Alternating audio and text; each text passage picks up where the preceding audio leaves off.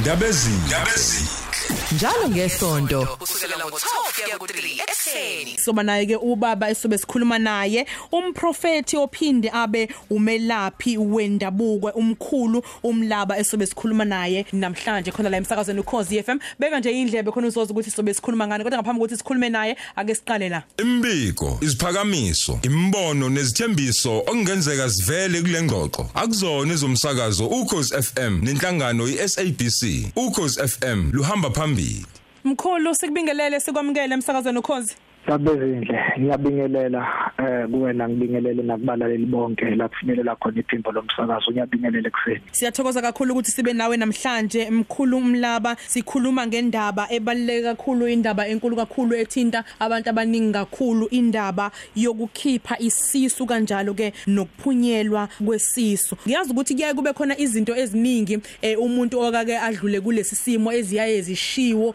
ezinye mhlawumbe acabanga ukuthi mhlawumbe zizokwenzeka mangabe ehlelwe isimo esikanje kwesinye isikhathi uthola ukuthi kuthiwa eh, mangabe wawo wakhipha isisu eh, mhlawumbe uzoba nesinyama fanele wenze ukuthi nokuthi nokuthi. Kuningi nje okuhleze kushiwo kukhulunywa mayelana nesimo esinjenganalesi. Engizocela ukuthi ke umkhulu umlaba mhlambe asenabele nje asendlalele eh, ngongodaba lokuphunyelwa isisu kanjalo nokukhipha isisu. Eh asibonge kakhulu eh ikakhulukazi ohlelweni ukuthi ukuvezwe indaba enjalo izosiza kakhulu isizwe sakithi. Eh uzokhumbula ukuthi uma sikhuluma ngendaba yokuphunyelwa isisu kanjalo nokukhipha isisu kuyinto ebukeka ingathi iyafana kodwa kuyinto engafani ngisho noma sekulungiswa lezi zinto kuyinto engafani engizoqala ngikuveze sizokhumbula ukuthi ngokwethu la eSouth Africa kuvumelekile ukuthi umuntu engakhipha isisu. Kodwa ngokwamathongo akuvumelekile kuyicala ethongweni ngoba uzokhumbula ukuthi umntwana uyisiphiwo sabantu abadala noma uyisiphiwo samathongo. Uma wena sewenza isinqumo esinjalo sokuthi ukhipha isisu lokho kufike kube yicala elikhulu kwelamathongo. Ngangokuthi ngalesikhathi uma usudlula emhlabeni kuba nokuthethwa kwalawo macala before ukwazi ukuthi uyongena emndenini. So bengifisa ukuthi siqale siveze le eyokukhipha isisu ukuthi uma usukhiphe isisu njengomuntu onecala emndenini awukwazi ukuthi uvele usuke uthi wena usuyogeza isinyama ungakayenzi inhlawulo yokuthi uthole imbuzi yokuya emsamo uyothi mina abakwamsele kungiyaxolisa ukuthi phakathi kwegcekeleno ngibe nesihlava esibi sokuthi ngibulale umphefumulo wenu. Uqale uyicelele qala intethelelo uma usuyocela intethelelo lapha emsamo siba nestrategy esiza naso sokuthi ngalesikhathi size sithatha lesinqumo sokuthi sikhipha lengane yingoba ingane bihleli kabe kuma tubes mhlawumbe bekunenkinga ethizo odokotela bathi uma lengane ikhula sekufanele itete kuzofa mina okufe yona. Ngase ngidecide ukuthi ngikhiphe awukwazi ukuthi uma usukhuluma emsamo uthi ingane wayikhipha ngesizathu sokuthi ubabwayo wayiphika ngayikhipha ngoba ngangisaba abazali kodwa sibeka into ezozwakala kahle emathongweni ukuze singabi necala because ingane iyisiphiwo sethongo. Uma uzothwena uyikhiphe ngoba ibiphikwa lengane lizothi ithongo mina benginawo amandla ukuthi lengane ngizoyikhulisa. Yingakho sikhanda lenkulumo yokuthi hayi cha mhlambe sengenza isibonelo sokuthi hayi ingane ikhishwe ngoba odokotela bathe ihlele endaweni embi vele uma isitetwa kuphakathi ukuthi ngiyafa noma ngiyaphila and then ngase ngiyikhipha ingane. And then kubalekile ukuthi umuntu ahambe yohlawula ke kuqala axolise emathongweni ukuthi usengene negama elibi phakathi lomndeni lokuthi yena usebulale ingane. Uma ke sekwenzile lokho usengaqala ke abe umuntu ke oseyogeza leso sinyama esekwazi ukuthi aqambe ingane ayibize ngegama ayithengele impahla kanjalo kanjalo kanjalo. And then bese sizongena kule ndaba yokuphunyelwa isisu siyazi ukuthi yinto leyo eyimvelo eyenzeka kulobubani ngendlela uNkulunkulu asuke ekunikeze khona lekho ngoba phela kanginika umthwalo ngapheka amandla akho. Uma ingane isiphumile ke kuwena uyakwazi ke wena ukuthi uhambe uyogezwa ungena kungekho inhlawulo ozoqala uyenze ngoba lento yenzeke yayiphutha. Uhamba uyogezwa ingane iqampa igama uyenzele ilathi kanjalo kanjalo kanjalo. Kodwa bengifisa ukuthi sigcine kukhona kakhulu ukuthi namhlanje ngithola ukuthi kunabantu abaningi ababhajelwe izimpilo zabo ngenxa yalento yokuphunyelwa isisu noma ngenxa yalento yokukhipha isisu. Ngiye ngibone kakhulu abantu besifazane uma isiyenzekile lento bese yahamba yogezwa noma yoyilungisa lento kodwa abantu besilisa banjengento engathi abayinaki. So ngigcizelela ukuthi nawe umuntu wesilisa lengane iphuma okhalweni lakho ingeyakho nawe isinyama siyakwembatha.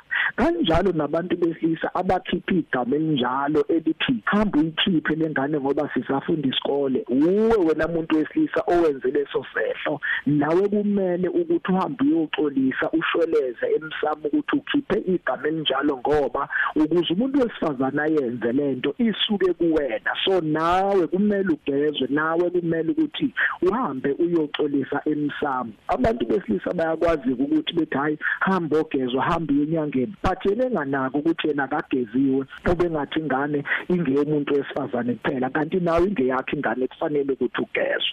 Kanjalo ke futhi umuntu wesifazane uma esegeziwe kunento abangajwayele ukuyilungisa. Lento yokuthiwa ukugeza indlu uzokhumbula ukuthi umuntu wesifazane uma eshonelwe ingane ngaphakathi eswini unendlu la kuhlala khona ingane. Kufuna mayisishonele lengane kunamakhamba athize asetshenziswayo ukuthi manje sesigeza indlu kuze ingane ezolandela lapho ingafiki ihlale endlini eminyama engcolile ngoba kade kushonelwe omne wabo lowo. Uma isigeziwe indlu uwenza ukuthi lengane ezozalwa ingacindezeleki. Sineyingane engamaphara sineyingane engezwa sineyingane eqala kahle esikoleni uthola ukuthi mayiqhubeka namabanga seziyakwazi ukuthi zicindezeleke. Zicindezelwa yini? Ilezi ingane ezifike wahlala endini yakhona yaphuma nalesi sinyama ngenxa yokuthi ayigezwanga indlu.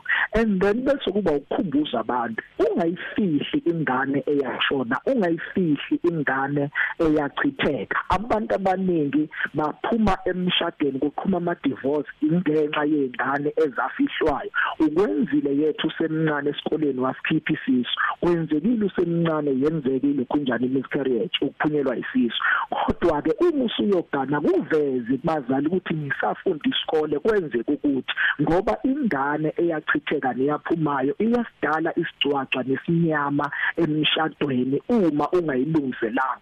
Futhi yenza ukuthi izingane zakho zingakwazi ukuthi ziperforme kahle esikoleni okanye kube izingane ezihluphayo ngoba ivuka lengane ithi umama ujabule nezingane zakwethu bathi mina anginakiwa ngenziwe lo angenzelwe lutho. Ibuya ke lengane izodala isigcwagcwa nesinyama bese uthola ukuthi izingane zakhe eziphilayo seziyacindezeleka ngesizathu esinjengaleso.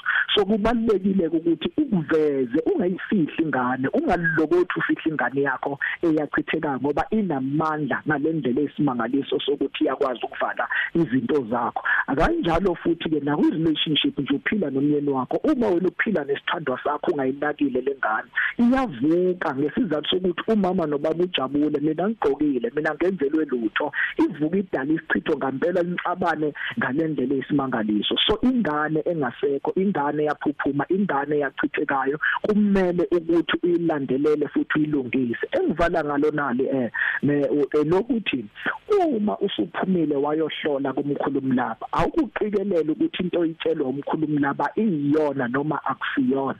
Kunabantu abayimemele izipokwe ezingekho ngenxa yokuthi uhambe wayenyangeni yathi inyanga wena waphunyelwa isisu uthi wena awukhumbuli. Izifunga inyanga ithi ngifunga bakwamlaba wake wangena endaweni yakhe wazi wadlule uzuqale na uhambe uyogeza into engekho uqamba amagama entweni engekho usuyidonsela utwayi olungekho. Esinye isibonelo lesi ngifisa ukuthi abantu besizakale ngengakubona nomunye kuthiwa hayi ngazalwa ngembethe athi angikhumbuli. Athi hayi impela kwalahleka ingoku uzulungise into engekho. Ezinye izinto ezito ezikudonsela isichitho zokuthi ugcine uvume into engenzekanga nengakaze ilandelelwe ukuthi ngempela yenzeka. So vuma into kuyiyona mawazi ukuthi ingane iyachitheka uvume ukulungise ungavumi ukuthi uhambe uqamba ibhoku uqamba ingane engekho ngoba lokho kuzokudonsela amanzi ngomsele kuzokudonsela utwayi ongeke uze ulinayo umuntu. Khumbula ukuthi akusibo bonke abathi inkosi inkosi abawubona umbuso wezulu. Ngalawo mazwi ngichaza ukuthi